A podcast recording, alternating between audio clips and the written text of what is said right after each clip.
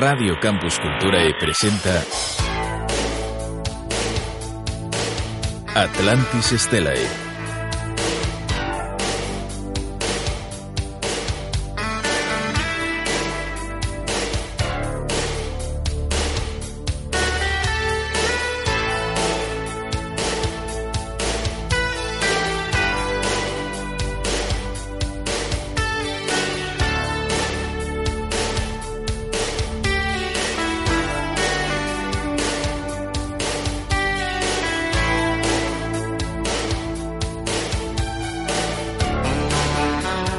Moi boas noites, benvidos, benvidas Unha semana máis, despois de 15 días Cumplimos ca nosa mm, Con noso cita quincenal. Aquí está Atlantis Estela Este espazo de Radio Campus Cultura E que durante unha hora e media buscará levarles Pois historia, conspiración, ciencia, espacio. Bueno, os nosos ouvintes habituais xa saben un pouquiño esta loucura radiofónica na que se convirte esta noite dos sábados.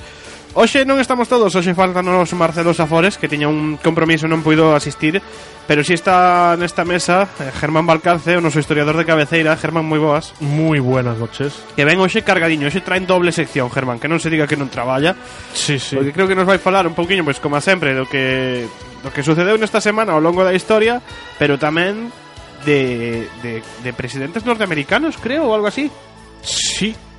Bueno, é un tema bastante interesante Ao final do programa, pois volveremos viaxar ao espazo xa non para falar de desastres, eh, traxedias ou cousas que poideron selo e ao final eh, foron un un salvamento en extremis, senón xa un pouquiño falando pois de noticias que xurdiron durante estes días dentro do mundo do, do espacio e da ciencia. Así que se vos parece con Iria Piñeiro no control técnico de son facendo que todo isto funcione como ten que funcionar, imos poñer este punto de inicio a Atlantis Estela e Germán e viaxemos polo tempo para averiguar que é o que sucedeu na semana. Pues vamos a comenzar por el 4 de junio y nos vamos al año 780 antes de Cristo. Empezas lonxe hoxe, eh? En China se describe por primera vez en la historia un eclipse solar. Eso tivo que ser para os chinos un momento tráxico, quero dicir. mm, Vos imaginadevos non saber que que é un eclipse solar e que de pronto o día se faga noite. Sí, la verdad es que tiene que ser bastante impactante, y más en aquella época que era más por decir esto es cosa de los de los dioses que nos han castigado por X motivo. Seguro. Seguro. A verdad que eu poñome na súa pel e uf, eh, eh, tiña que ser algo algo terrible, xa non solo a súa dentro do que eles poideran pensar, senón a ver como lle transmiten á poboación pois eh, todo o que significa un eclipse solar e, e como calma seguramente a ansiedade social que tivo que producir ese eclipse. Es algo que me da que no vamos a poder saber. No, no, pero bueno Podemos poñer facilmente Sí. na súa pel Porque non ocorren cousas hoxe a nivel natural Que non somos quen de explicar E que Sí, provocan unha gran ansiedade social Más todavía. Continuamos, Pues Germán. vamos a dar un salto de estos todo guachis a lo bestia Ujú. Porque vamos al 4 de junio de 1783. En Francia, los hermanos Montgolfier realizan el primer viaje en globo aerostático de la historia. En que ano? 1783. Non está mal Ah, Vamos al 4 de junio de 1940, en donde finaliza la evacuación aliada de Dunkerque durante la Segunda Guerra Mundial. Hace poco una película que triunfó en los Oscars de, esta, de este tema, precisamente, que las, el Britania, vamos, los británicos movilizaron incluso embarcaciones civiles para poder rescatar a sus hombres. É verdad É verdad, un momento culme da historia Sí. Y ahora, una lástima que no está aquí Marcelo, porque nos vamos para el otro lado del charco. Ujú. 4 de junio de 1946, en Argentina asume su primera presidencia Juan Domingo Perón. El seguramente sí que nos podía falar moito deste tema de, de Perón e do que significou para para Argentina. Tanto él como alguén moi carismático que estivo moi vinculado a él, sobre todo na primeira etapa, como a súa muller Eva Perón. Sí. Que por certo hai unha lenda aquí que cando veu a España parece ser que tivo a Carmen Polo, a muller do dictador Francisco Franco, un pouquiño cabreada. Por? Pois porque va Perón tiña un estilo de vestimenta distinto o que se acostumaba en España, nunha España de pouco máis que de mantilla e, e vestido longo e, bueno, pois se va Perón viña cunha roupa un pouquiño máis colorida, máis escotada, buah, Ya no caía bien. no, non demasiado. Vamos a cambiar de día. Vamos al 5 de junio del año 1625. Durante la guerra de Flandes, tras un largo asedio, la ciudad de Breda se rinde a los tercios españoles al mando del general Ambrosio Espínola. JP Calle, ah, no. Sí, Un grande de España que es, como todos os grandes de España, ao final acabou mm, ligeramente arruinado.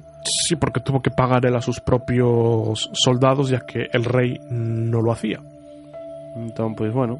Y mm, quedó reflejada en las Bre- la rendición de Breda, el cuadro de Velázquez o Las Lanzas, también conocido. Sí, señor. Ya lo decía Alonso de Entre Ríos en el Ministerio del Tiempo, sería un honor estar en ese cuadro. Para moita xente, sí, sen dúbida. Sigamos, Germán. 5 de junio de 1741. Vitus Bering parte de la península de Kamchatka a fin de explorar Alaska. E conseguiu un estreito. Sí. bueno, hay gente que no tiene su nombre en nada. Este lo consiguió. Moi correcto. 5 de junio de 1752. Benjamin Franklin prueba que el rayo es electricidad. Eh, bien. Bueno, claro. No, a nadie se lo había ocurrido, no, ¿eh? Nos dende hoxe, no noso punto de vista, vémolo moi viable, pero para eles, eh, A 1752. claro, vai ti saber. Hoxe temos claro que é mellor non poñerse eh, na trayectoria de un rayo. Sabemos los experimentos de este hombre con las cometas y, y demás. E outro que conseguiu salir nos billetes de dólar. Sí, también. Pero sigamos, Germán. 5 de junio de 1817. En los Grandes Lagos es lanzado el primer barco a vapor, el Frontenac. Vamos, es así algo curioso. 1817 empiezan así las grandes cosas de la revolución. Y ahora nos vamos a otra revolución, pero de distinta índole, que es el 5 de junio de 1832.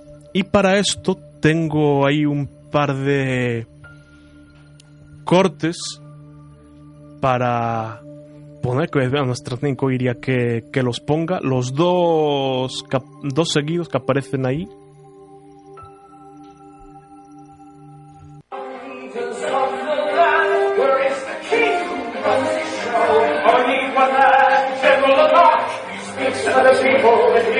hear the go.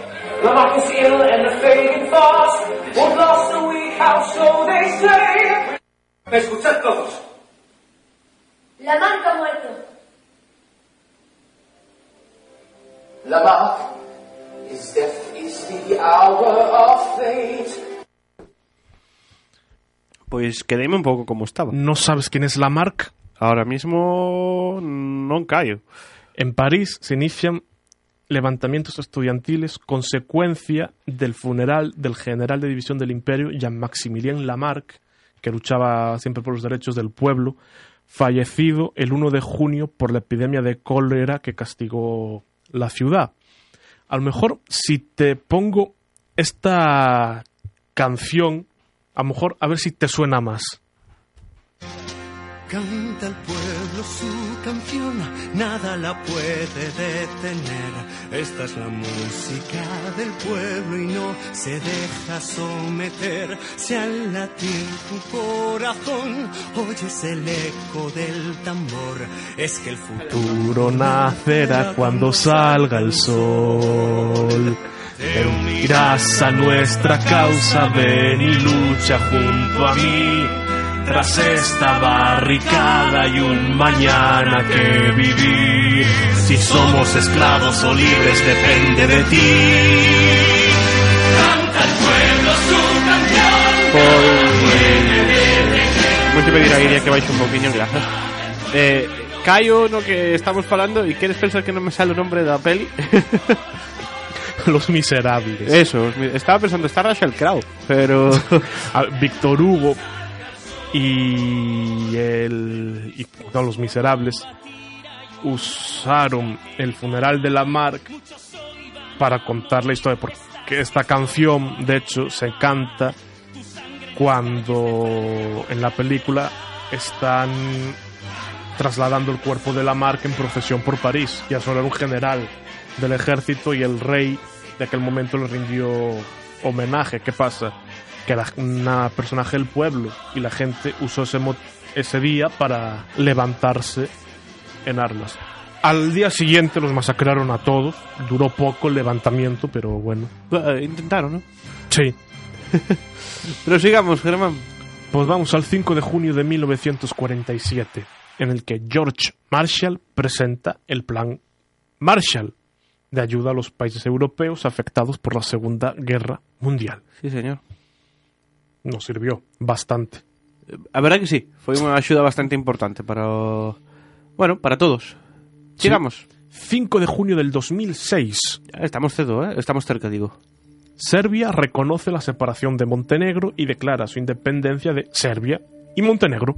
Correcto. Eh, foi un día bastante axetreado mediáticamente falando, eh? porque houve moitos territorios no, na Europa do 2006 que non estaban moi de acordo en aceptar esa, esa división. Algo semellante ao que ocorre, por exemplo, agora con, con Kosovo. Sí, hay países que todavía no han aceptado que Kosovo, como país, vamos, tarde o temprano lo acabarán aceptando. Pois sí. Pero sigamos. Pues cambiamos de día. Nos vamos al 6 de junio de 1554. En España, Carlos I reconoce como hijo suyo a Juan de Austria. Que Es- despois se convertiría, ¿no? No... Eh... Se convertirá en uno de los principales generales y jefes militares de su medio hermano, de Exacto. Felipe II. Aí está. Es- De hecho, Juan de Austria está enterrado en el Escorial. Continuamos nesta percorrido, Germán, polo paso do tempo, por estas cousas que sucederon ao longo desta semana, ao longo da historia. damos un, sal, un saltito. Bueno, saltito. Vamos a 1892. Está ben o salto, eh? Más grandes los hubo. Sí, certo. 6 de junio de 1892. En Illinois comienza a operar el metro de Chicago. 1892. Creo que os hai máis antigos, pero... Pero sí que o, metro, o uso dese tipo de transporte facilitou moitísimo a convivencia e a, digamos, a supervivencia case en grandes cidades como, como Chicago, como Madrid, como Bilbao. Había una, un proyecto de hacer un metro aquí. No es verdad. no existe. No. Repite conmigo, Germán. No. No. Exacto. Sigamos. 6 de junio de 1944. En el marco de la Segunda Guerra Mundial se produce el desembarco de Normandía. Moitos desembarcos temos nestas nestas semanas, mo- moito relacionado ca, ca Segunda Guerra Mundial. El día desem- o desembarco de, Nom- de Normandía, que estaba por aí un señor que se dedicaba a sacar fotografías chamado Robert Capa e que aí que pr- prácticamente podemos falar, creo, dun dos primeiros movimentos militares máis documentado Sí. dentro do no momento, me refiero. Mm, Y es el principio del fin de... Se puede considerar, vamos, el principio del fin. Sí, o que me extraña que ninguén se esperaba eso. Mm, no, eh, lo, lo engañaron a, a Hitler no una, sino dos veces. Porque el otro desembarco fue por Italia y él Sí. se creía que era por Grecia. Sí, La operación Mincemeat. exacto. Prosigamos, Germán. Pues vamos a hacerle un pequeño homenaje a unos compañeros nuestros de, de radio, a los NB Adictos, Porque el 6 de junio de 1946 en Estados Unidos se funda la Basketball Association of America, la actualmente conocida como NBA. Que faríamos nos en NBA sen os nosos, os nosos compañeiros eh, Manu Guiao, Sergio Jimón e Dani Egea E digo a Dani Egea de último aposta e, e que faríamos no mundo de baloncesto sen a NBA? Sí. Eh, Van muy a su rollo en algunas cosas, pero bueno, se les, en, se, en varias se les quiere. Pero pero sí que re, eh, o, bueno, o culmen e eu creo que digamos que consigue hoxe en día que o fútbol ás veces poida quedar un pouco en segundo plano. Por certo, lembrade que estas semanas estamos con xa con NBA Adictos única e exclusivamente, Planeta Obra xa puxo punto final e que estamos cas, cas finais xa, que está aí todo moi tenso e apertado a ver que ocurre. ¿Ganará LeBron? Eh, po- Podíamos chamar, claro, que de momento non temos esa capacidade nos estudios de Radio Campus Cultura recentemente mudados ao a residencia universitaria Burgos Nación. Si no, llamamos a Se Manu. non ainda chamábamos a Manu e preguntábamos de aí que, que opinaba, se gañaba ou non gañaba Lebron. Ya nos lo dirá en el próximo NBA Adictos. Aí está. Prosigamos. 6 de junio de 1995, el gobierno de Italia declara Pompeya Parque Nacional. E aí Germán está orgulloso e satisfecho, por certo, Pompeia, que está na actualidade recente por eh, Se han descubierto nuevas zonas en la región 5 de las excavaciones, entre ellas un esqueleto de un pobre tipo que intentaba escapar y le cayó una piedra de un edificio encima e aí quedou. y ahí quedó. Pompeia que, bueno, pois permítenos eh, averiguar un pouco como era o estilo de vida en, en Roma. Digamos que como unha fotografía macabra moi macabra pero unha fotografía de como era realmente a vida en Roma. E digamos que tanto en Pompeia como posiblemente Herculano e digamos toda a zona que se viu afectada por a, por a erupción do Vesubio ala polo ano 79 eh, sí. 23 de agosto 26 de agosto do 79 Sí. eh, pois eh, digamos que o que nos permite hoxe en día facernos unha idea máis eh, cercana posiblemente e máis real de como era a vida en, en Roma Sí, eh, que son unos sitios mejor conservados que, que existe como, como ciudad. exacto prosigamos un día Pues- falaremos eh, de Pompeia e de todo o que foi aquel día tan fatídico 24 horas de Pompeya. sí. 7 de junio, cambiamos de día, a 1494. El reino de Castilla firma con el de Portugal el Tratado de Tordesillas. Tratado importante donde lo sabe que establece cómo se van a repartir el mundo, tanto Portugal como Castilla. sí señor 7 de junio de 1654. En Francia, Luis XIV es coronado rey. Rei Sol Sí. El apodo merecido. un dos que se considera mellores reis de Francia un pouco os que Francia considera máis eh, eh, queridos, máis eh, lembrados Sí, a ver, es conocido por también el tiempo que reinó, como reinó, sí, Era un pouco espectacularizante demais, pero bueno, todos en aquella teñen época. manías. Sí. Prosigamos. 7 de junio de 1839. En China, el emperador prohíbe el comercio de opio y ordena arrojar al mar 20.000 cajas. Esto provoca la guerra del opio con los británicos. Que no se puede decir no a las drogas de forma tan radical. hai se que desenganchar pouco a pouco. Non pode entrar aí e decir, ala, no, venga, fuera. Claro, estaban os ingleses que eran todos felices con su opio e sus vicios. E chegou aquí o, o emperador e dixo, no, no, no, fuera. Ya está. Y a- eso no, Aquí sentó- mando no- yo. No sentó bien, no sentó bien. Lo que no sé si habrá sentado bien, algunos sí, otros no. El 7 de junio de 1929, la ciudad del Vaticano se convierte en Estado soberano. Ya lo era en su momento los estados pontificios, pero con la unificación italiana los conquistaron, pero siempre reclamaron para sí el autogobernarse ellos. E aí siguen e, por certo, podemos dicir que creo que é un das propio, dos poucos países da Unión Europea Porque creo que está metido dentro de la Unión. Mm, Vaticano en sí, no. ¿No? Tien- Es como Andorra, San Marino y demás. ah, que vale, que está- están, pero no están. Efectivamente. Porque de feito siguen usando como moneda oficial a lira. No, tiene el euro. Tengo el euro xa. Sí, sí, no, porque no tiene, la lira desaparece.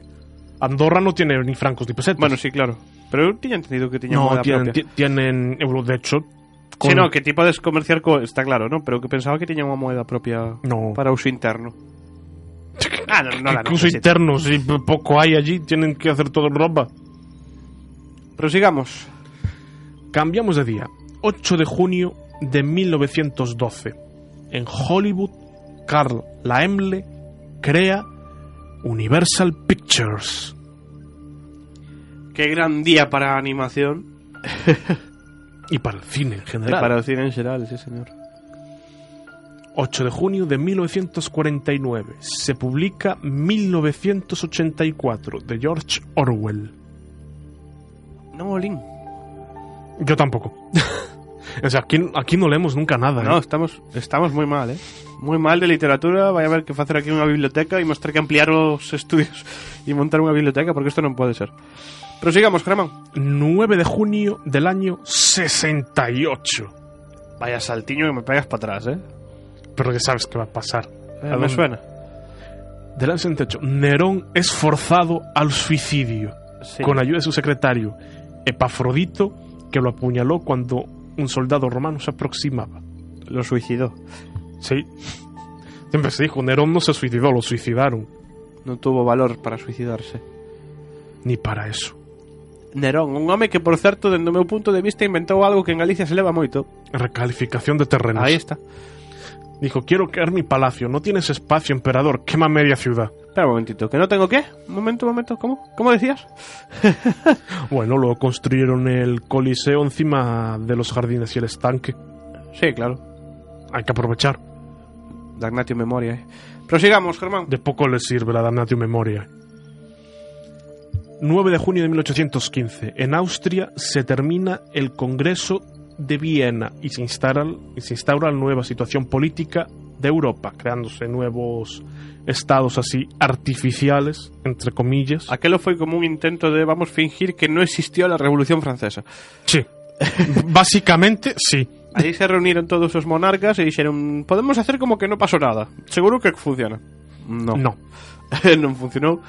De hecho, la liaron todavía más, porque durante el siglo XIX anda que no ha habido revueltas Sí, y protestas. o certo é que sí. Pero sigamos. 9 de junio de 1930, en la estación central de Illinois, los hermanos Leo Vincent, Leo y Vincent asesinan a Jake Lingage, reportero del periódico Chicago Tribune, alegando que le debía 100.000 dólares al mafioso Al Capone. Que cousas. Le debes pasta a quien lleva el cotarro. Claro, claro, tiene sus consecuencias. Continuamos, Germán, con este repaso. 9 de junio de 1934, hablando de cine, en Estados Unidos se estrena la primera película del Pato Donald.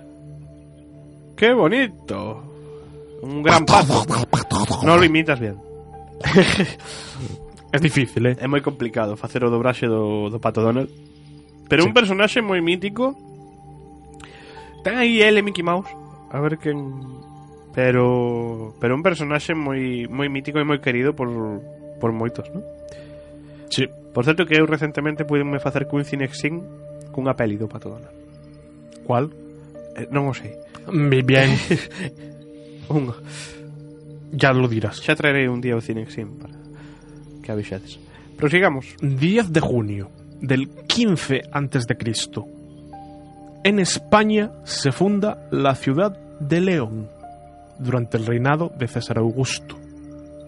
Un saúdo aos nosos ouvintes dende León, que por certo tamén teñen unha radio universitaria. Así que estamos así un pouquiño hermanados. Sí. Ahora damos uno de estos saltos guapos en el tiempo y nos vamos al 10 de junio de 1770. Eh, sí, aceleraches aí. Leches llegas a moto, eh. En Buenos Aires, el gobernador español ordena el desalojo de los ocupantes británicos de las Islas Malvinas a quienes consideraba invasores en tierra española. Es- eh, Argentina con esto das Malvinas sempre tivo un problema. Pa ti, pa mí, pa mí, pa ti, pa ni, pa no sé quién. Sí, pero bueno. O último intento non foi a cousa máis inteligente. No. Pero, prosigamos. Ahora vamos al 10 de junio de 1855, del cual tengo también una, una musiquilla ahí. No sé si sabrás de quién o qué es, pero Hemos de pedir a nosa técnica Iria Piñeiro que nos solte ese, ese corte que trouxo Germán preparado para, para hoxe.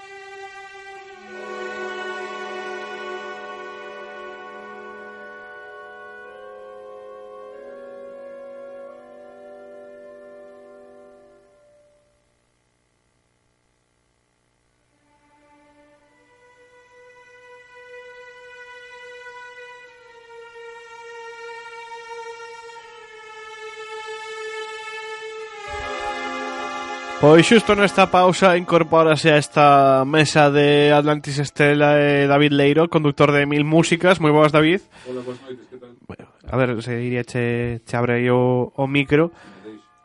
No quiere. ¡Ja! Te quedas sin hablar. Agora, agora Aí sí. Hola, boas noites, que tal? Eh, mm, Boas madrugadas. Viñeches aquí a ocupar o sitio de, de Marcelo. Non temos que copas, eh? Xa te estou- digo, estou non veñas aquí xe... Hoxe necesito consolo histórico. Sí, sí, a David, a David lo dejáis entrar. A mí no me dejáis entrar, me dejáis aquí fuera. Pero si ti entras de aí, que máis, da? No, bueno, xa- a ver, algún xa temos sabedes que- cae... Bueno, Iria non vale porque tengo o título da canción, entón non a, vale. A mí encántame esta canción tamén, eh? David cale. tampoco, David tampoco, que lo acaba de leer antes de incorporarse.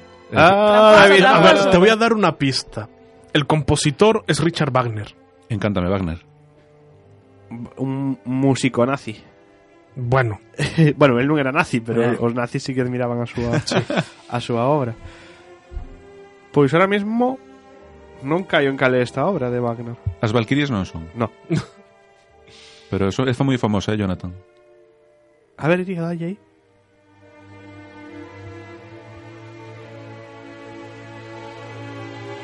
Seguramente se estivera por aquí Ismael Romarís, o rapaz que conducía, xa sabedes, eh, Materia Gris, sí que podría dicirnos quen é, que ele é un Wagner adicto.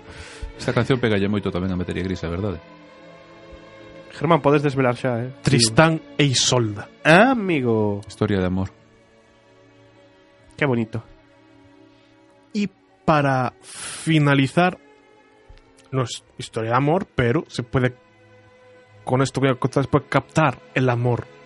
E sin dier. Así que 10 de junio de 1907. Iba a dicir que indiero que hai é radón, pero eso xa non é. Agora xa hai menos. El radón no sé si se podrá captar con lo que voy a decir ahora, pero bueno, por intentarlo, a ver, a ver. 10 de junio de 1907, en París, Auguste Lumière presenta la fotografía en color. No, o radón creo que en fotografía Eh, non chega a salir. De momento, damos tempo. Lumière. Este é o do, o do cine tamén, non? Os irmáns, sí, os irmáns Lumière. Lumière. Sí, señor. O invento do diablo. que Pensaba, ellos lo decían como uso comercial, no pensaban el uso que le iban a dar después, después todo el mundo. esotéricos todos, non? Sí. O cine, as fotografías, bueno, parte da cultura do século XX e XXI, pois pues, debemos ya os irmáns Lumière. Sí. Non sei se te queda algo por comentar, Germán. Del esto de qué pasó en la semana, nothing de nothing. Pois se vos parece, facemos un alto, tomamos un groliño de agua, deixamos que David se acomode, que, que colla un pouco tamén de aire que, que, que venga prepare a aquí, miña sección improvisada. Aí. ten, ten Germán aí podemos comentar ahora o que o que trae preparado tamén para para, para a segunda parte do, do programa. E nada, imos un anaquiño de nada a publicidade, saudamos aos compañeros de outros programas e voltamos de contado.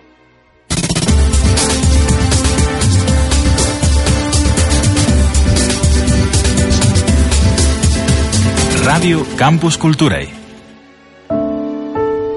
Imagina unha radio na que teñas toda a información que a ti che interesa.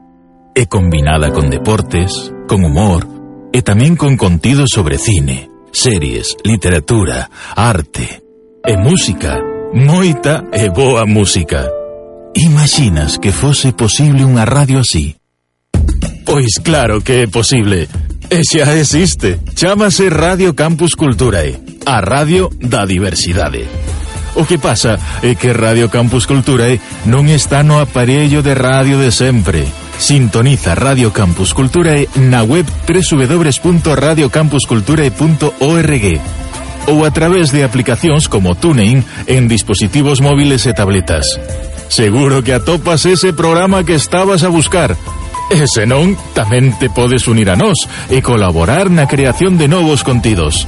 Radio Campus Cultura está sempre aberta a participación de todas e todos. Radio Campus Culturae, a radio da diversidade. Pokémon Mario Bros, Stadium, Pokémon, Petri, Crash Bandicoot, Tekken 3, FIFA, GTA Imperium. E ti xogas. Os martes, ás 8 da tarde, Radio Campus Cultura viaxa até o mundo virtual. Novos títulos, consolas, accesorios, curiosidades, crítica, entrevistas e sports. Select Game, o espazo de tecnoloxía e entretemento de Radio Campus Cultura. A Radio da Diversidade.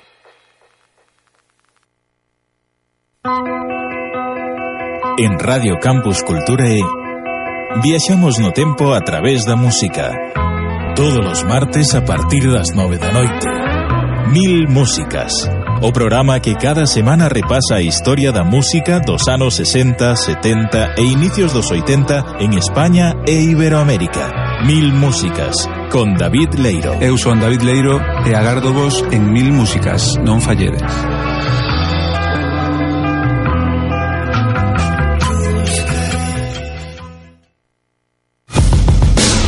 Se che gusta baloncesto, tes unha cita cada luns pola noite en Radio Campus Culturae.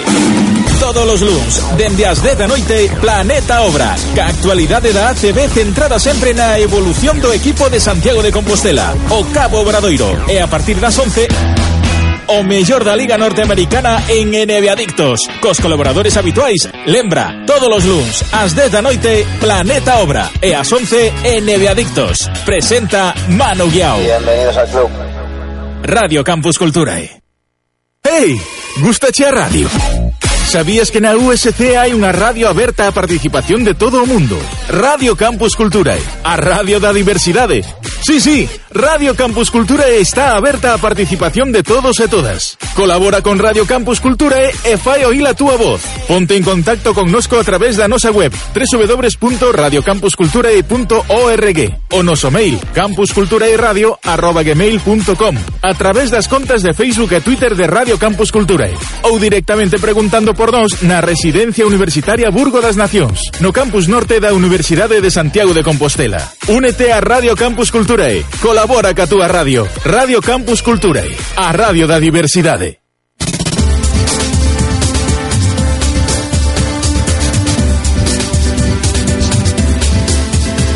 Radio Campus Culturae.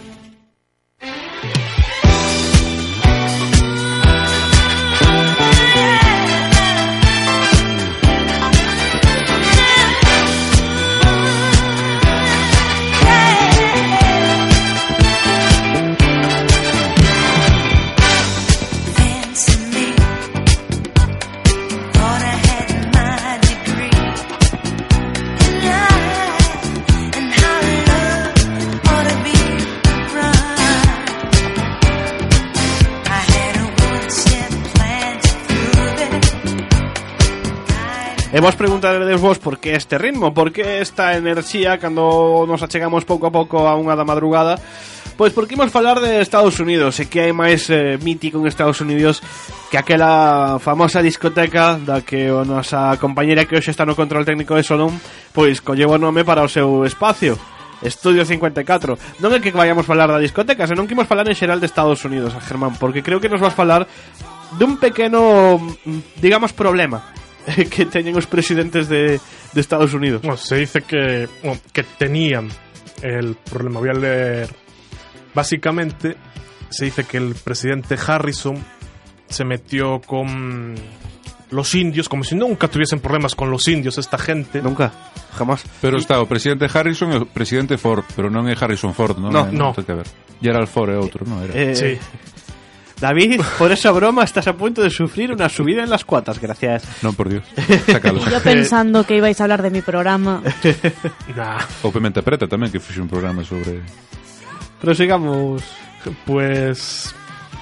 Este. Har- o presidente Harrison. Sí, William Henry Harrison se metió con los indios y entonces el chamán, un chamán indio, les dijo una mal- les metió una maldición.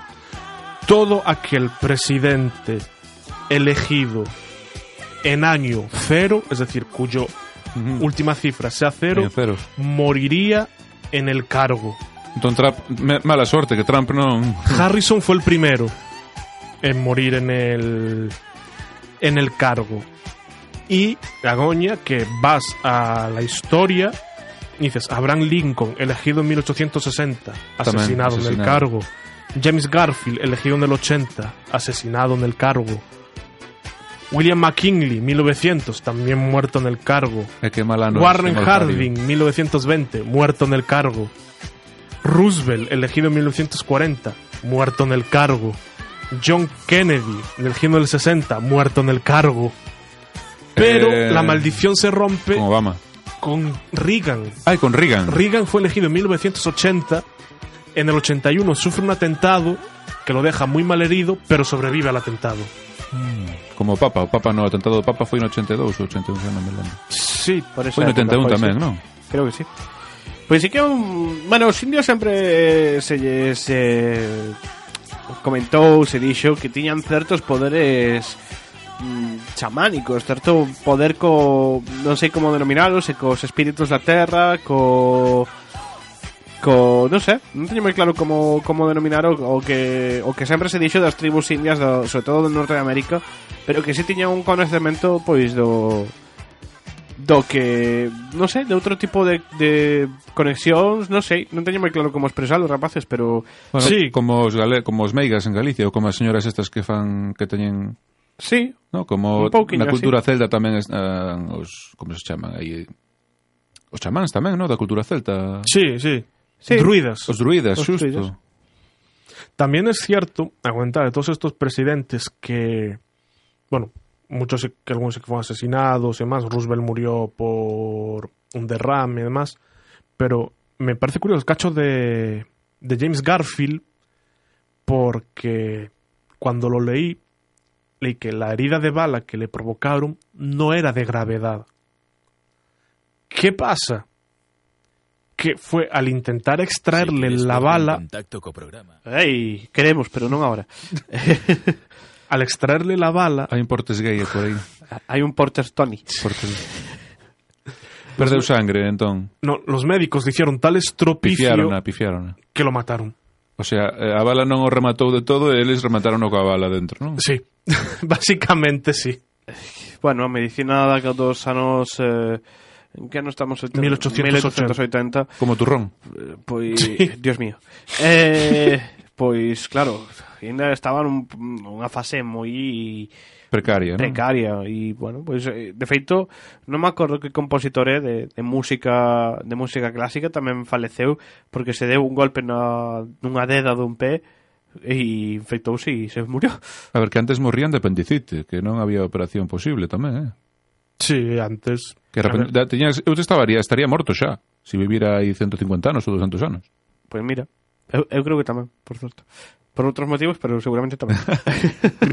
yo creo que eh, yo también. No, é que o pensa, pensámolo e decimos non, pero... de feito, dos catro que estamos día- esta noite aquí no estudio de Radio Campus Cultura, eh, eu creo que non estaríamos vivo ningún, eh? Pois non sei. Por- Eu, eu podo falar por min. Apendicitis. Apendicite. Mm. Iria é nona, eh, eh, como se di? Mm, Neonata. Neonata. Co cal, olvídate. Sí, a mí me sacaron con siete meses. Así de pequeña me quedé. Pois sí, a verdade é que temos sorte de vivir no século XX e XXI, eh? Porque no Podemos darnos un canto nos de dentes, no eh? los además, catro, y además a los 15 días me operaron de un riñón, así que... Y, y casi me muero saliendo del... Pois De- de la- del Darwin, quirófano. chúpate esa porque selección natural falla. Darwin xa sabedes que mm, También es se, se otro. chega a vivir no mundo actual reti- se retiraría con un digno no sé qué ha podido salir mal. Yo, yo sobreviví a la a la eliminación, a la selección natural. E yo No. sobreviví al efecto 2000. Pero no, é algo que sí que podemos comentar, rapaces, que que é increíble, ¿no? O avance da, da medicina, aproveitando dentro deste tema que nos trouxe hoxe, hoxe Germán, é increíble como a medicina foi avanzando e como nos permitiu pois Estar vivos. que, que non los catro Sí, no, non los catro e 50 creo- anos non estaríamos vivos casi, eh? Yo creo que la medicina avanzó demasiado con según qué especímenes. Pero eso es opinión personal. Según qué especímenes. No, Sí, no entiendo sí. muy bien a qué se está usted refiriendo. Eh, Muchas ya, sí, cosas. prosigamos antes de meternos en demasiadas outro follón.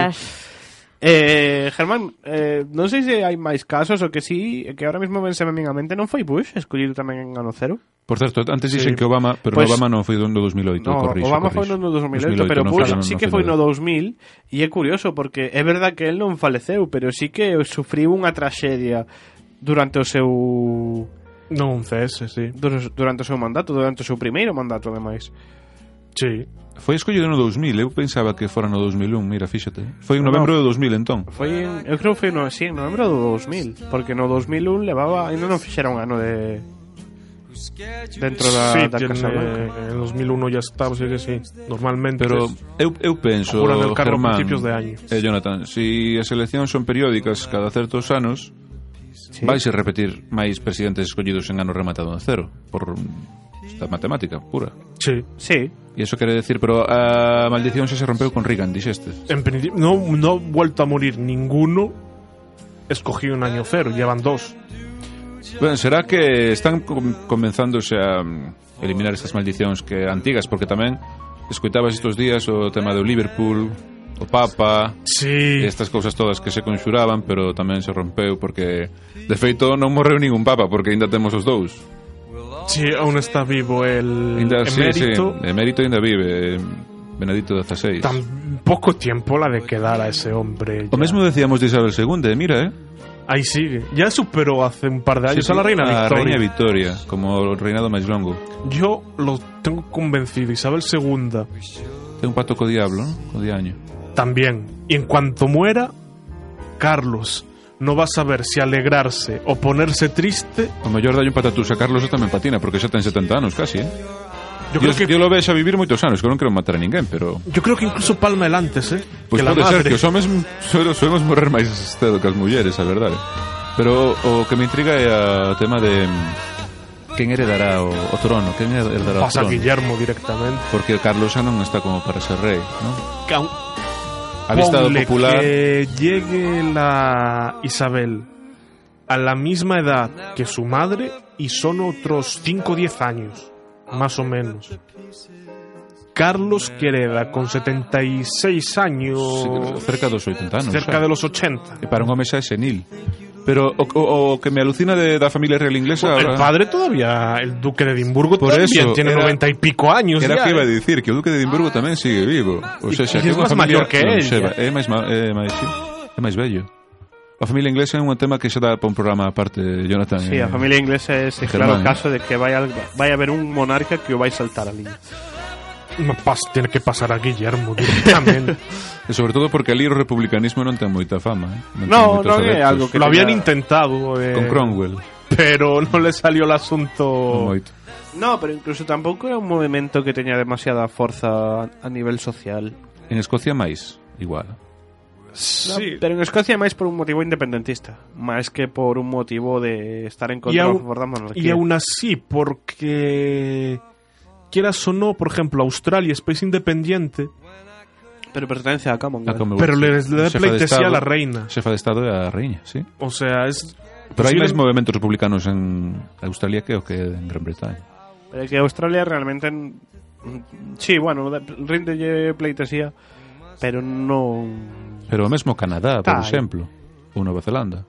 Sí. Son Sí. membros da que non teñen a reina Isabel como xefa de Estado.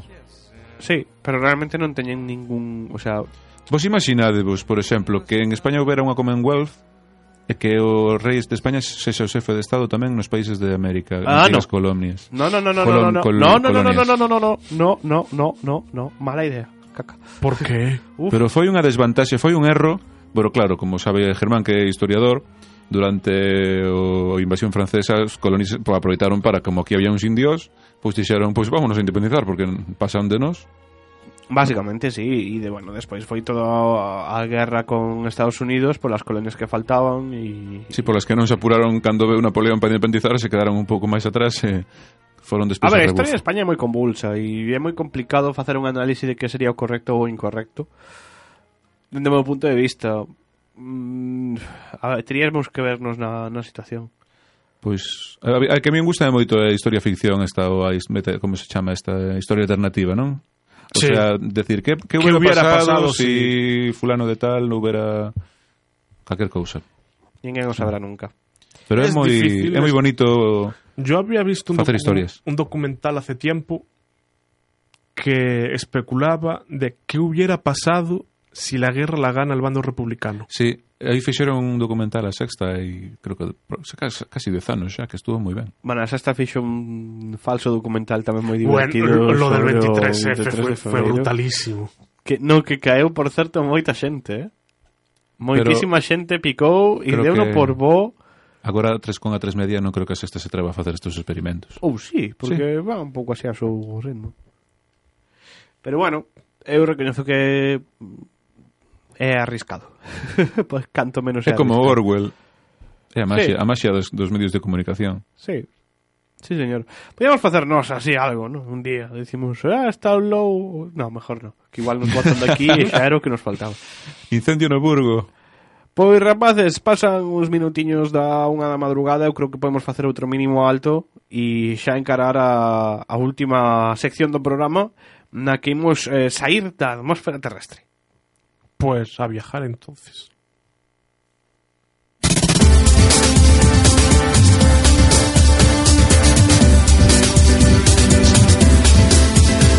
Radio Campus Culturae.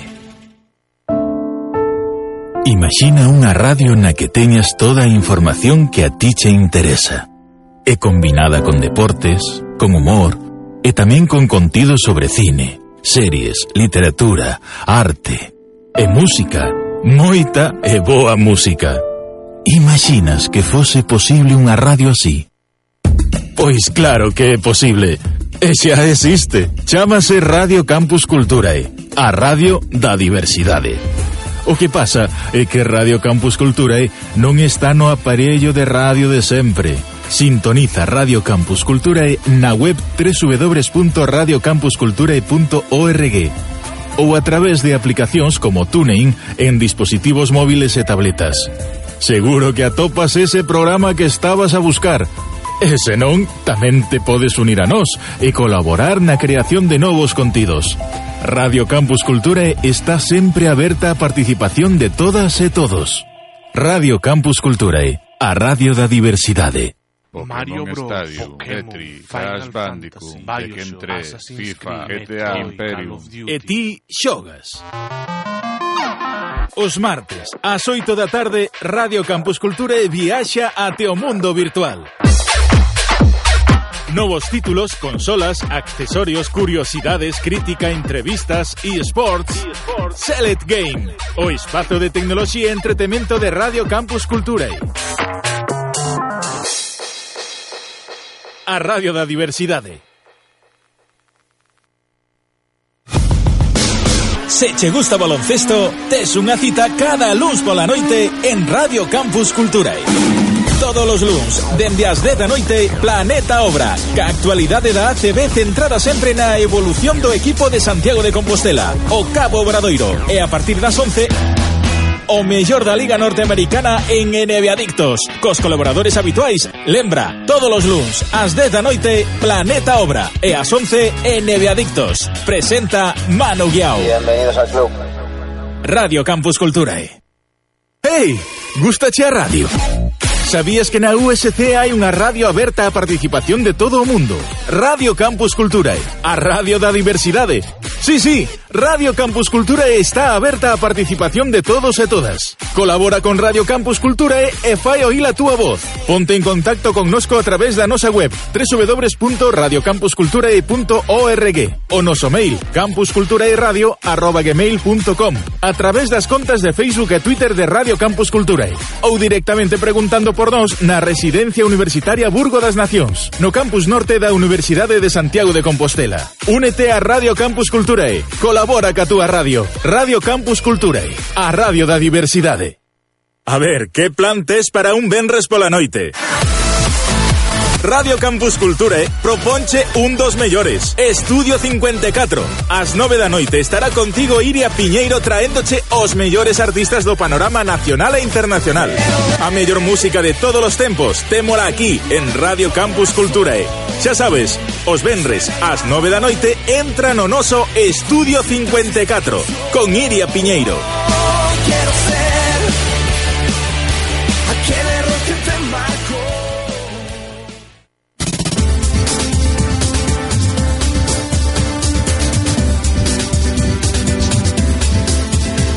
Radio Campus Culturae. T minus 15 seconds. T minus 10, 9, 8, 7, 6, 5, 4, 3, 2, 1. Main engine start, zero. And liftoff of the Atlas V with Curiosity, seeking clues to the planetary puzzle about life on Mars.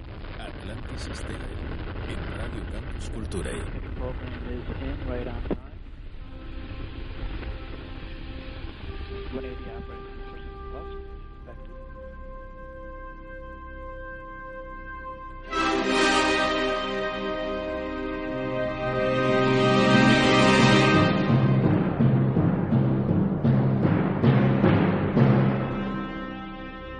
Atlantis Stellae.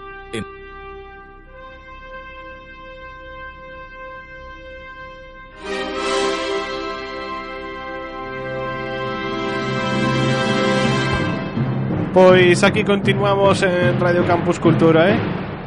Con esta forza que nos dá esta maravillosa banda sonora Así da es como si estuviésemos caminando por la luna. Sí, ¿verdad? Aquí en 2001 Odisea en el espacio. E que significa isto? Pois que imos falar do, do que hai no espacio Porque saltaron unhas eh, cantas noticias nas últimas semanas Acerca deste... Bueno, pois do que hai máis alá da atmósfera terrestre e apetecíame traelo porque considero que son unhas cantas noticias que das que podemos falar. Más allá A de la atmósfera está la luna. Pois imagínate. Pois de lunas vamos falar precisamente non da nosa, non da terrestre, pero sí de, de que hai 121 planetas gigantes gaseosos conocidos que se atopan a unha distancia das súas estrelas que permiten a, a existencia da auga líquida e, polo tanto, que poden albergar lunas habitables.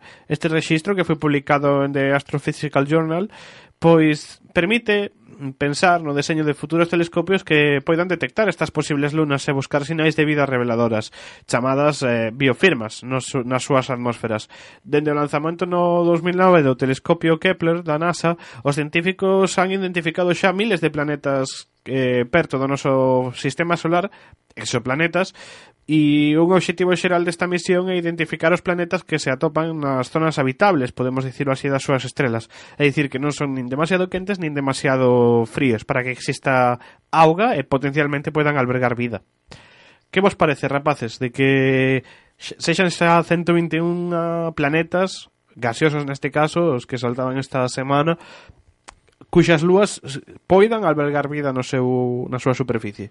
Ben, aquí hai matices, Jonathan, porque, número un, os exoplanetas están a moita distancia que é improbable con actualmente cos medios que temos están a moita distancia da, da nosa estrela da nosa estrela, pero... no, e a nos luz tamén da noso alcance tamén, porque se si pensamos en para que buscamos estes planetas, a ver, tamén para investigar, usa pola ciencia, pero pensade o ben, o que estamos buscando é outra terra para cando esta terra somos depredadores de vida de, de, de recursos cando este, esta terra está agotada o que queremos é eh, ir a colonizar a outro planeta habitable ata chucharlle os recursos Por e ir supuesto. saltando de planeta en planeta polo sistema solar Está clarísimo que o ser humano é que va como un virus, eso non mo pode dudar, dudar ninguén. Pero máis alá de, de eso, que por certo a nosa próxima parada é Marte e está clarísimo e de feito son varias xa os estudios que buscan e que afirman que poder poderíase terraficar Marte. De feito hai unha teoría que di que se podería terraficar que non traficar. eh, non será terraformar. Terraformar. En portugués terraficar é ficar na terra. terraformar pois ou transformar podemos dicir así, ¿no? Sí. Empregando precisamente o que aquí provocou un problema na atmósfera. Quero dicir, aquí o que os gases invernadero o dióxido de carbono mm, provocou eh, bueno, e demais gases que se expulsan nas fábricas e demais, pois acaba provocando ese efecto invernadero. En Marte, ese efecto invernadero precisamente axudaría a subir a temperatura do planeta e dese xeito que se pudera xerar... Eh... A ver, el efecto invernadero es necesario para la vida en Sí. la Tierra.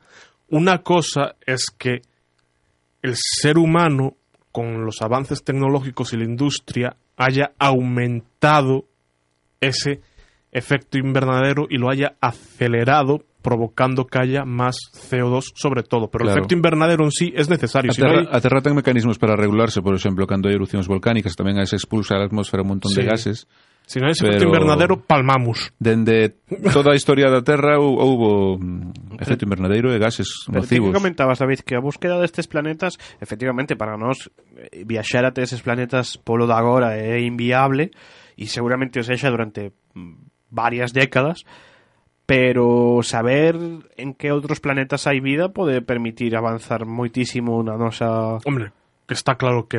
Claro que é apaixoante, é verdade. Eh, pénsalo é, é abrallante, non? Que pode haber vida en outros planetas. É, é vida extraterrestre, como son Eu estou deseando encontrarme con os Groot. Ainda que, ainda que sexa unha microcélula ou un protozoo ou un animal unicelular, calquer cousa, que unha bacteria, unha mota de pó que este en outro planeta pero que teña vida, eso é maravilloso, claro. Pois falábamos de Marte e precisamente de Marte imos falar porque este planeta chegarase a Terra como nunca fixo durante os últimos 15 anos. Isto publicou Europa Press, publicou no haberá uns días e conta que no que vai de 2018 Marte estáse achegando sobre o horizonte eh, erguéndose un poquinho antes e chegándose un pouco máis á Terra.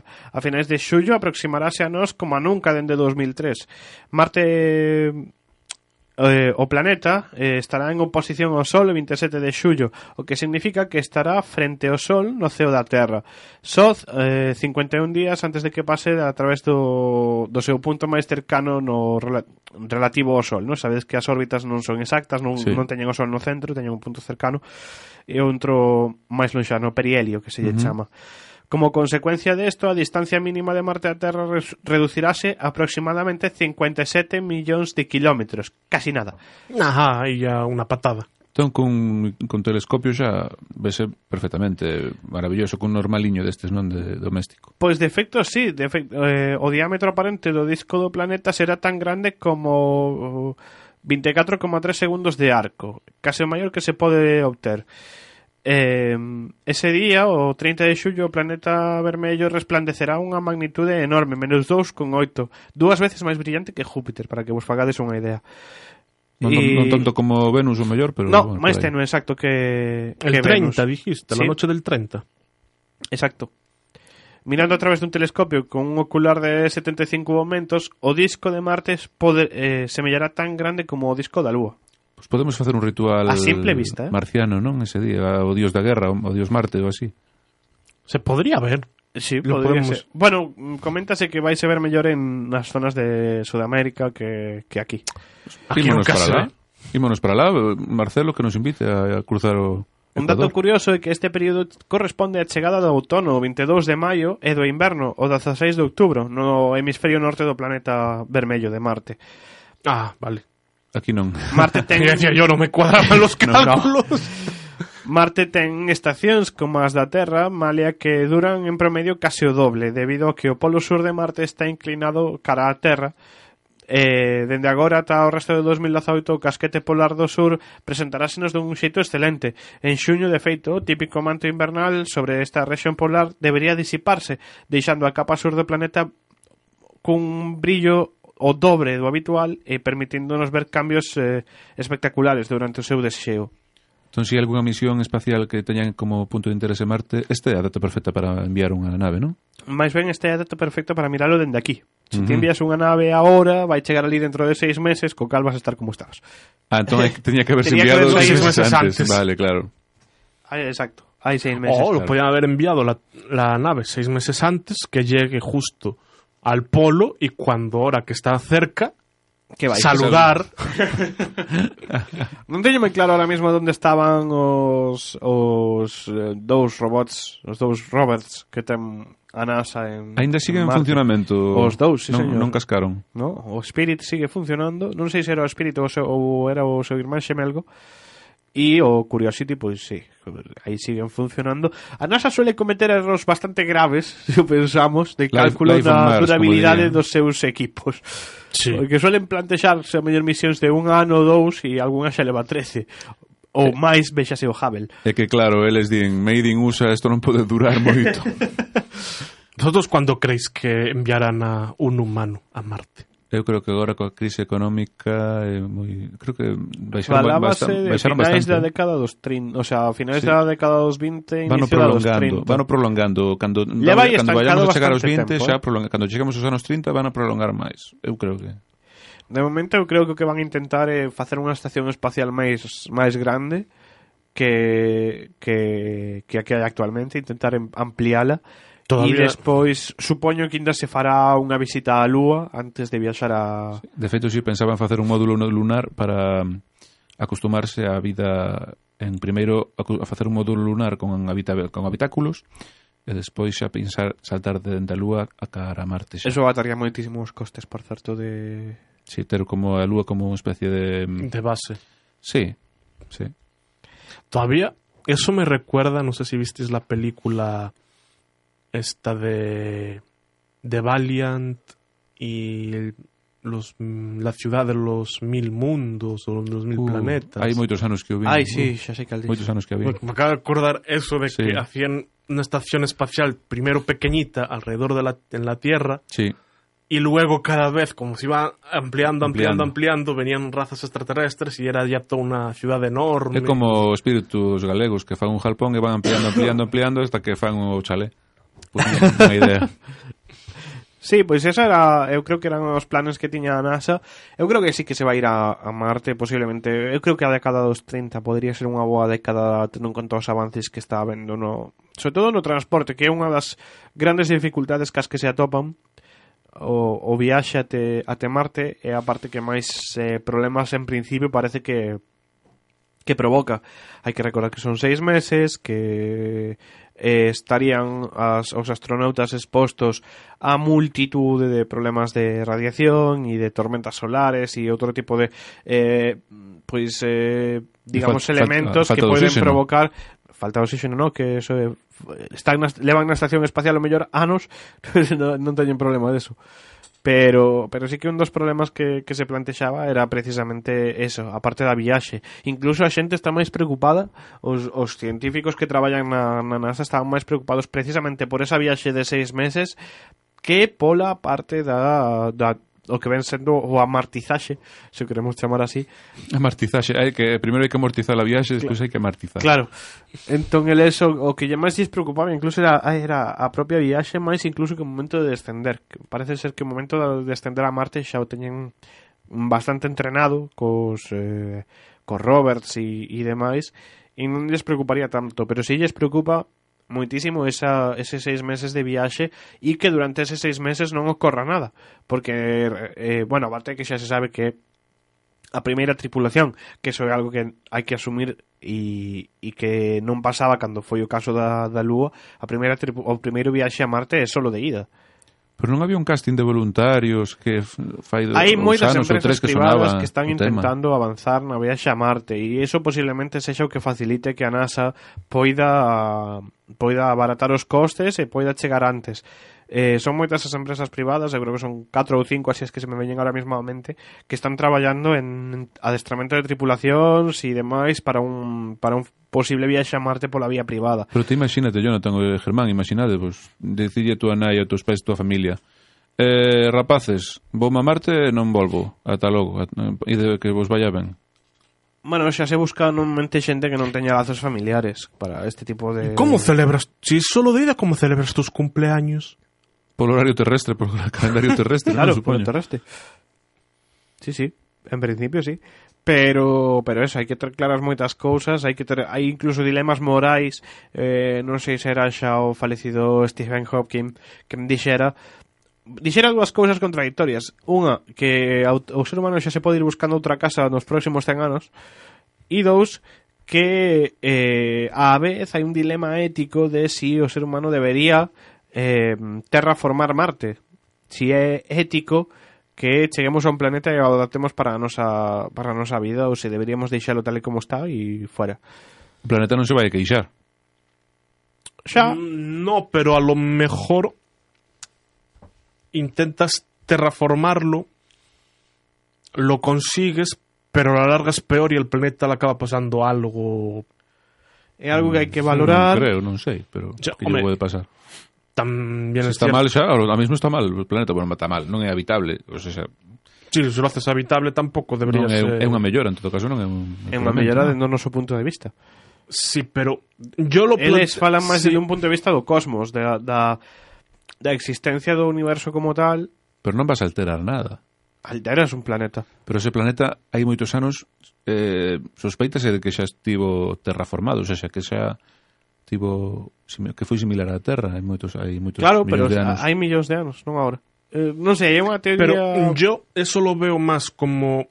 Si me dices que es un dilema moral, si hay marcianos en Marte, si hubiese sí, sí. marcianos en Marte. Que... Algo que non se sabe, eh, se hai vida... Sí, pero me refiero. Non vida celular, celular, Celular, sino, como- Germán refírese como a, nosotros. Claro, a formas de inteligencia. No, ¿no? bueno, nese caso xa Sí, sí, pero nos me- enfrentamos a unha guerra das galaxias seguro. Sí, pero Guerra dos mundos. Eso, eso es a lo que voy. Si hubiese marcianos y los pudiésemos ver y establecer contactos y demás, y me dices que ellos respiran, yo qué sé, helio o ni- nitrógeno, que es abundante en Marte el nitrógeno. No tengo ni puta idea, ¿eh? estoy hablando por hablar, pero por poner un ejemplo, porque nosotros el nitrógeno no lo respiramos. Sí. Y se habla de terraformar Marte, ahí sí que te enfrentas a un dilema, porque si terraformas Marte y pones el oxígeno como máximo exponente, te cargas a los marcianos. Ahí sí que estás hablando an- ante un dilema, pero si no hay vida, nuestro técnico está a su bola. Hai moitos sonos xa a estas horas. Si hay, al no haber esa vida que se presupone inteligente y demás, pues yo no lo veo tanto dilema ético ni moral, porque tampoco... É que eu, a verdade, tampouco sexa... Bueno, en todo caso, yo quiero decir una cosa. Ah, estabas viva. Sí, sigo viva, sigo viva. Home, Sigo- rapaces, xa pasan uns Estaba minutillos matando- unha da mañá. estaba eh, matando normal marcianiños que o no. Yo a estas horas suelo estar en la cama, que yo los sábados por la mañana, no, los sábados no, los, Los domingos. Ya, ¿veis, ¿Veis cómo afecta el sueño a estas horas de la mañana? Yo a esta hora de la mañana tendría que estar o de, o- o de fiesta o durmiendo. De festa imos ir ahora, eh, que xa sabedes que cando acaba Atlantis Estela e aquí o equipo marcha. Oxe Marcelo dixonos que nos esperaba ali nun pub que invitaba a la ronda de copas. Ah, bien. Por- me debe por esto dos podcasts, solo digo. Bueno, en fin, lo que venía a decir. Yo, en todo caso, pi- me pido ser la princesa Leia. Habrá que mercar as ensaimadas. Por fa- no, que esas me las como.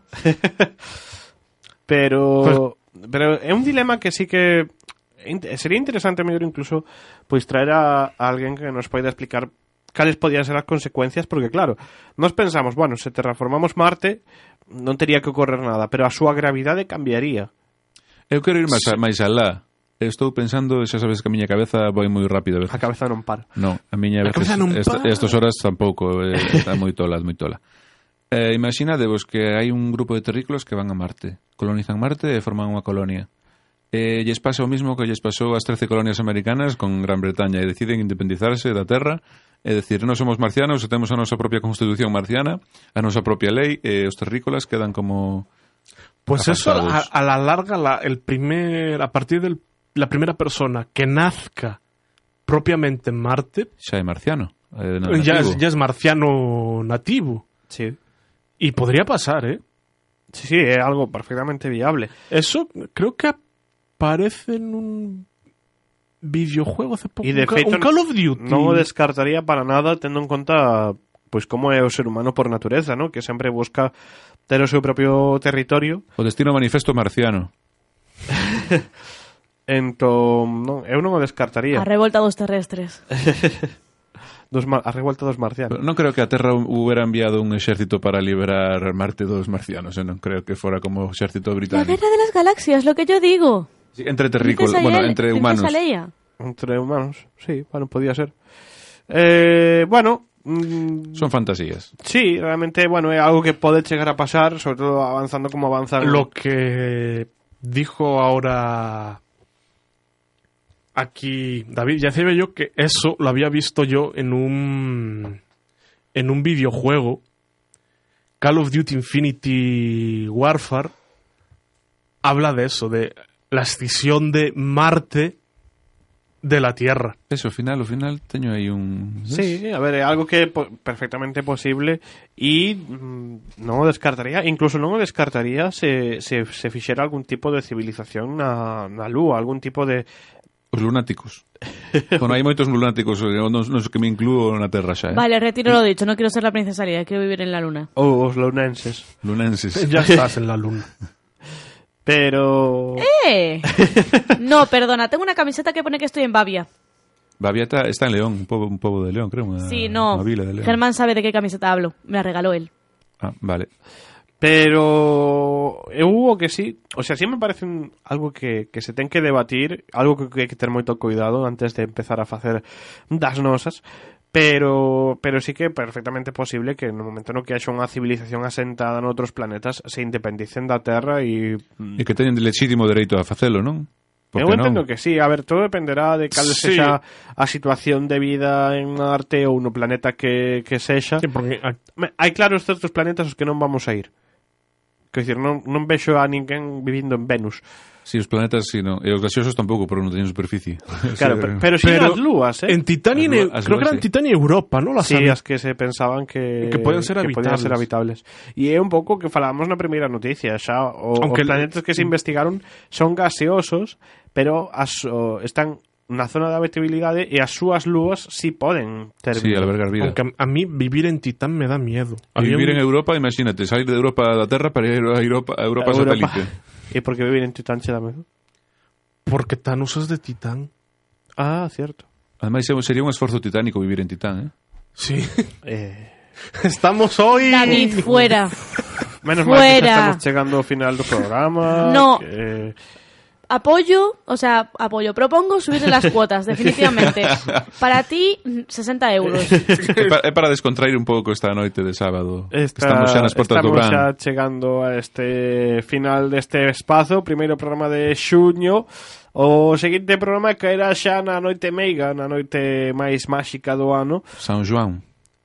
E, e falaremos, eh, Germán, creo, de... Podemos falar un poquinho outra vez facendo unha, unha volta atrás aquel espazo que xa fixéramos hai uns anos De brujas De, de brujas, de meigas, de feitizos, de... Bueno, de todo isto que a noite de San Xoán, pois, pues, eh, digamos que... Sí, además es un día aí especial, especial. Sí, sí. sí. O, equino, o solsticio de verán Habrá que... A fertilidade a xente Habrá que ter unha tarta Para reproducirse As nove ondas do, da lanzada Verdade. Sí, podemos falar As de nove ondas da lanzada, sí, de señor. moitísimas, moitísimos... Do teu- eh, Germán, teu yo, aniversario. sí, yo sí que te escuché y, y- y- y me parece buena idea lo de la tarta. Sí, bueno, podemos falar tamén de... La tarta de chocolate, gracias. O si no, eh, bueno, desde aquí quiero decir que también me vale crema de limón. Lo Ya. dejo caer. Pois podemos falar de, de todo eso e das ervas de San Juan. Das ervas de San Juan. Sí, porque son moitas os os eh, como dicilos, eu os son costumes, non? Eu son os... o encargado da familia de ir a polas ervas. Eu este ano me parece a min que tamén. E vai ser un ano así un poquinho extraño na, na nosa casa, pero pero sí que hai eses, todos eses eh, costumes da, da noite de San Xoán, sobre todo aquí en Galicia, que é unha terra ante todo ante ancestral, todo ancestral, ancestral. e moi meiga e moi vinculada sempre con este con quitar o meigallo. De... Sí, Exacto. Sempre queremos quitar o meigallo, sempre, sempre unha boa ocasión. Ese conxuro da meigada, da, me, da queimada tan tan mítico e a vez tan case poderíamos dicir falso. Bueno, o, a queimada quita meigallo se quita eh, todo. A consciencia, sí, a todo, todo, depende todo, todo. se faga. Pode... Mm, n- normal, con lo que rasca. Bueno, todo depende de canto, de canto a queimen a queimada. Hombre, Pero ainda así, eh, bueno, es moi espirituosa, eh? si, si os, si os digo yo lo que vi el fin de semana pasado que se vendía, Ilústranos, Germán. em, como sabéis, estuve en la, en la Expotaku y además en Coruña vendían un líquido verde 40, creo que 40, 45 grados y en la botella ponía fuego valirio. Era verde. Vipermin. Esa también la vi yo y esa la quiero yo también. A botella esa. Eu Fuego discrepo Valirio. como firme eh, defensor da realidade da ciencia ficción o esa esa botella non se consume, non se bebe. E que se fai con ela? O, o fuego valirio non é unha bebida. Pois, como non se Solo xa... porque alguén en la ficción ha intentado beberla e haya muerto? Eh, ajá. Tendría un mal día, home, ou unha indigestión, ou sentaríalle mal. No, é que non é unha bebida. Seguro, seguro que le sento mal la tarta. Entón, que é lubricante de automóviles? É algo semellante ao fuego griego. Oh, que erótico. Sí. Da- David, bueno, eh, oyentas de Oy- Atlantis Estela. ¿eh? Oyentes. Pa- pa- Para, para, para, para. ¿Cómo que Oye- oyentes? oyentes. Oyentes, espera, espera, espera, oyentes. esto lo reclamo rápido. A mí. Miembros y miembras del jurado. Miembro que estáis escuchando el programa. Así, así de Jonathan deja de inclusivo. silenciarme. Tengo poder sobre Jonathan, control. moza é feminazi, eh, non teño que dicir cho. Creo que David acaba de morir por una mirada. Sí. Eh, Iria, se non che importa, antes de matar a David, o calche che douche plena autorización. Ah, Lánzanos vale. aí xa a música para irnos despedindo, xa que estamos chegando a este final de Atlantis Stella, eh. E, e nada, que nos imos ver dentro de, de 15 días esa noite máxica do 23 de xuño. E, e nada, que agardamos vervos a todos. Xa sabedes que tendes eh, moitas formas de poñervos en contacto co programa A través de, de dirección de correo electrónico atlantis.estelarcc.gmail.com A través do Facebook, buscades Atlantis Estela E tamén a través do Twitter. E, e que estamos abertos, por suposto, a participación de todos vos Calquera idea que se vos ocurra, mandádosnosla E incluso podedes vir e, e participar deste, deste programa Esta tolemia radiofónica na que se convirten as noites dos sábados aquí en Radio Campus Cultura. Xa me sabedes enganchei, xa me enganchei o Xa programa. sabedes que podedes escoitar todo o contido do, a través dos podcasts que quedan en www.radiocampuscultura.org igual que ao longo da semana as veces que se repite o, o programa eh, e quedades agora con todos os compañeiros que fan programas aquí en Radio Campus Cultura e como David Leiro que hoxe nos acompañou moitas grazas David por vir ata, ata aquí un, un auténtico un auténtico placer como Iria Piñeiro que estivo no control técnico del son facendo que todo sone e ahora que ten ganas ten aí un coitelo na mancha afilado preparado para que David eh, sinta fortemente o que acaba de dicir no lo sabes tú bien hai alguén aquí que sale aceptando. Foi con moito cariño. Germán Balcarce, sí, conductor Non te preocupes, de... eu lo voy a hacer con mucho cariño. Germán Balcarce, conductor de Select Game, que esta semana xa vos estivo con vos o, o martes E que acaba de repetirse o programa aí unhas oriñas Aí ás 8 da tarde dos, dos sábados, xa sabedes Non para, non para este Non home. para, este home está aquí Non paro, non continuamente E, e todos os demais, xa sabedes, eh, Planeta Obra, NB Adictos, bueno, Planeta Obra xa non que xa rematou, pero si os compañeros de NB Adictos, de Tren Media Noche, bueno, todos e todas os que fan radio aquí en Radio Campus Cultura e a Radio da Miembros e Diversidade. Vémonos dentro de 15 días, eh, de moi felices e sobre todo codeiños estradas. Chao.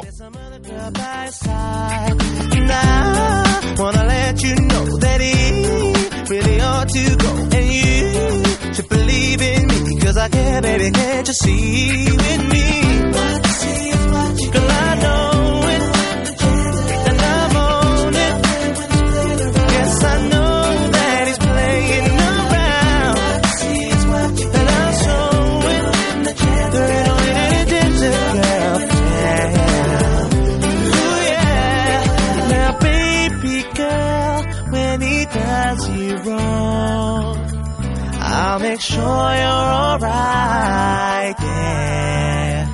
I just wanna be a friend, cause there's no reason to pretend. And that's the difference with me, oh girl.